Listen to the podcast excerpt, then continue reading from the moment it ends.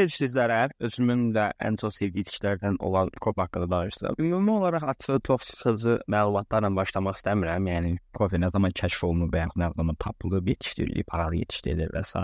Düşünürəm ki, bu məlumatları onsuz bilməklə yəni, bu günümüzdə kofe içimi arasında da bir əlaqə olmayacaq. Ona görə bu tip şeylərə vaxt ayırmamıza belə deyim. Ümumi olaraq onu da əlavə edim ki, bu, bu bölümdə əsasən danışdığımız kofe, daha danışacağım kofe əsasən filtr kofe haqqındadır. Az ki, suda həll olmayan, sadəcə bir növ suda dəmlənən kofe. Yəni ümumi olaraq ikisi birində tipli kofelərdən Üçü birində və hətta deyərdim suda həll olunan sadə kofelər belə. Çünki üçü birindən əlavə, yəni boş anbas kofe olaraq da suda həll olunan kofelər var. Kofelərdən müzərrə müddət uzaq durmaq lazımdır. Yəni günün sonunda yəni əsas onu bilmək lazımdır ki, kofe ümumi olaraq suda həll olunan bitki deyil. Sadəcə ona suda həll olunan versiyalardan bir çox kimyəvi maddələr qatırlar və onun hesabına o suda həll olunur. Onsuz da əgər çox uzun müddətdir filtr kofe içmiş birisinizsə və sonradan su birində içsəniz və yaxud da sadə suda həll olunan kofe içsəniz, məndə həmin o kimyəvi maddələrin hissiyatına sıralı hiss edəcəksiniz. Çünki arada həqiqətən keyfiyyət və dad olaraq çox fərq Ən azından yəni mən sıralı hiss edə bilirəm aradakı fərqi. İndi isə işin daha elmi hissəsinə keçək, yəni ümumi olaraq elmi məlumatlar, elmi olaraq kofe necə işləyir, nəyin hesabına, nəyə görə faydalıdır bu qədər və nəyə görə bu qədər məşhurdur deyək də bilmirəm. Yəni getdi məşhurlaşan etməyə başlayır. Nə sadəsən başlasaq kofe nəsə Məkdə məqsəd hər zaman enerji almaqdır. Bizə enerji verən isə də kofe tərkibində olan kofein sözsüz ki. O bundan başqa sadəcə enerji verməkdən başqa kofeinin özünə məxsus da bir çox faydası vardır. Tip olaraq onları deyə bilərəm ki, əsasən yəni araşdırma, aparılan araşdırma əsasən e, tip 2 diabet kimi xəstəliklərin qarşısını aldığını, insan uzun ömürlü etmək kimi faydaları olduğunu, bundan başqa beyin sağlamlığı, qaraciyər və ürək üçün də faydalı içki olaraq qəbul edilir. Bəzi araşdırmalar əsasən depressiyanın qarşısı aldığı deyilir ki, yəni məntiqi də onsuz belə baxanda, yəni depressiyada biz bir enerjisiz və sadəcə yatmağa meylli oluruq deyək də, yəni tam olaraq yatmaq yox, yəni heç bir şey etməmək. Yəni kof, kofein, kofein daşınan kofein bizi bir növ daha gümrah edir, bu da bir növ depressiyanın qarşısını ala bilər. Hətta bəzi araşdırmalarda özünə qəsdin belə qarşı ehtimalını azaltdığı deyə söz. Yəni burada qarşısını almaqdan sonra ehtimalı azaltmaqdan söhbət gedir. Çünki yəni, günün sonunda kofe, qəhvə sadə bir içkidir. Yəni bir dərman ki, hər hansı bir şeyin qarşısını birbaşa ala bilsin. Bundan başqa olaraq kofein əsasən idmançıların da bir növ enerji almaq üçün məşqdən əvvəl istəyib pre-workout dediyimiz təbəqəyə və yaxud da sinifə aid içkilərdən biridir. Hansı ki, mən də həmişə məşq öncəsi mütləq və mütləq kofe içirəm və ki, idman performansında bir çox e, müsbət təsirləri olur. Sözsüz ki, yəni enerji vermək hissəsi tam olaraq kofeinin yox, kofeinin nə müsbət təsirləridir. Yəni hansı ki, kofein haqqında da mütləq və mütləq bir epizod gələcək. E, çünki kofein də çox vacib və həyatımızda rol oynayan maddələrdən biridir. Həm müsbət, həm mənfi. Çünki günün sonunda çox kofe içmək sözsüz yuxusuzluq, hətta deyərdim birdən-birə çox yüksək kofein qəbul etmək insanlara həqiqətən çox-çox pis təsir edir. Hansı ki, məndə də olubdu. Yəni bəzən çox ani enerjiyə ehtiyac ehtiyaclarım olduğu zamanlar kapsula şəklində həm kofe, həm yəni kofe içmişəm, həm də kapsula şəklində kofein qəbul etmişəm. Bu tip hallarda açı bir növ enerji vermək çox kiçik bir müddət enerji verir, amma sonradan bütün enerjini sömürür bədəndən və ya sadəcə insan nə yata bilirsən, amma nə də bir şey yeyə bilirsən. Yəni bir növ sönmüş kimi olur insanın yüksək kofeini dərhal qəbul etdikdə. Elmi araşdırmalardan və kofe haqqında müəyyən qədər danışsaq, indi isə gün ərzində nə qədər kofe içə biləcəyimizdən danışaq. Məncə açıq bu da vacib bir mövzulardan biridir. E, ümumi olaraq kofe qəbulu kofeindən asılı əsasən, yəni gündəlik kofein qəbul olunurdan, hansı ki,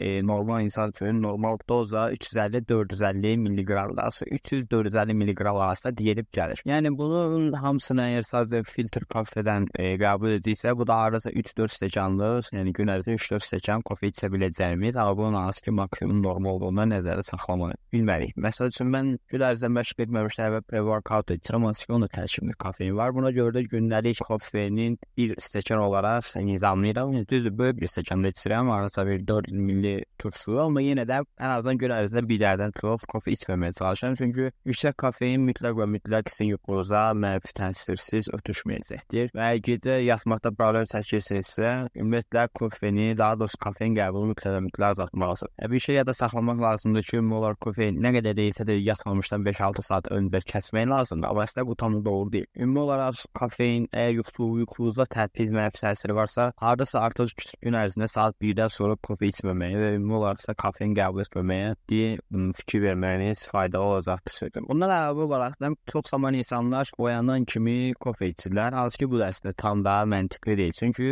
e, gün ərzində oyandıqda ümumi olaraq bizim ehtiyacımız olan bir çox əsas hormon onsuz da yüksək səviyyədə olur, hansı ki bizə enerji verən hormonlar. Ona görə mütləq və mütləq e, oyandıqdan ən az 1 saat sonra kofe içməyə başlamağınız kofedən alacağınız faydanı, daha doğrusu alacağınız təsiri qat-qat artırır. Bundan əlavə kofe ilə bağlı çox vaxt belə bir şey deyilir ki, çoxlu kofe içdikdən sonra bir müddətdən sonra bədəndə ona qarşı dözümlülük yaranır. Bu mövzu haqqında da onu bildirmək istəyirəm ki, dözümlülük yaranması doğrudur. Yəni həqiqətən də daha çox əgər uzun müddətli kofe içən birisisə, artıq bəlkə də təsirini daha az hiss etməyə başlayacaqsınız. Amma bu onun təsir etdiyi mənasını vermir. Yenə də kofe hər zaman öz təsirini göstərir bədənimizə. Sadəcə biz artıq onu öyrəşdiyimiz üçün həmin dozlarda kofeinin, daha doğrusu kofeinin bizə verdiyi təsiri hiss etməməyə başlayırıq. Yəni bu da ağlınızın yüzündə dursun. Yəni hər gün kofe içirəm, artıq kəsməliyəm. Deməyinizə ehtiyac yoxdur. Kofe öz faydalı xüsusiyyətlərini siz daim o qəbul etsəniz də hələ də verməyə davam edir. Yəni bu kəsilmir, bədəniniz onu öyrəşmiş olsun. Bundan başqa ə, e, insanlar kofeni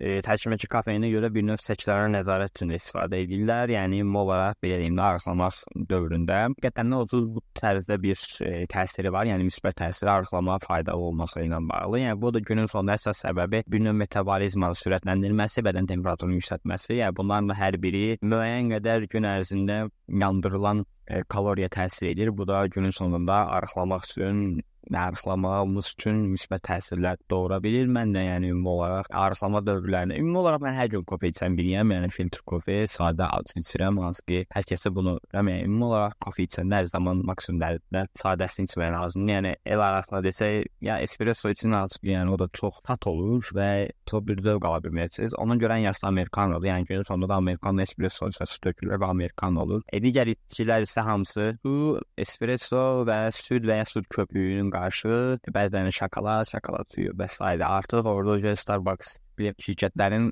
fantaziyalarına uyğun olaraq hər tipdə kofedən içki düzəldə bilirlər. Sözsüz ki, bunların hamısı yüksək kalori və şəkər bombasından başqa bir şey deyil. Hansı ki, onlar bu tip şeylər isə artıq e, kofeindən və ya ümumi kofedən alınan fayda demək olar ki, yox olur. Yəni o qədər zərərli şeylər bədən qəbul olunur ki, kofeinin verə biləcəyi faydaların hamısı məhv olur. Bu coğrafiyada yəni ümumi olaraq Azərbaycan götürək, Türkiyəni götürək, istər çay, istər kofe, sözləşməsə çox istifadə olunan, daha çox içilən içki növlərindən biridir. E, maraqlıdır ki, siz hansına daha çox üstünlük verirsiniz? Çaya, yoxsa kofeyə, yəni artıq yəni çox vaxt çox klişe bir suallardır. Məlum məsələdir, yəni çay yoxsa kofe, amma ümumi olaraq sayıram sizin də fikirləriniz, ümumi olaraq fikir bildirmək üçün bizi Instagramda və Facebookda izləyə bilərsiniz. Oradakı postlarımızın altına şərh olaraq öz fikirlərinizi bölüşə bilərsiniz. Bundan başqa mən öz şəxsi profillərimdə yerləşdirirəm linklərə. E, oradan da həm mənim şəxsi profilimdə izləyib ümumi olaraq e, bu podkastləri kimin yaratdığını,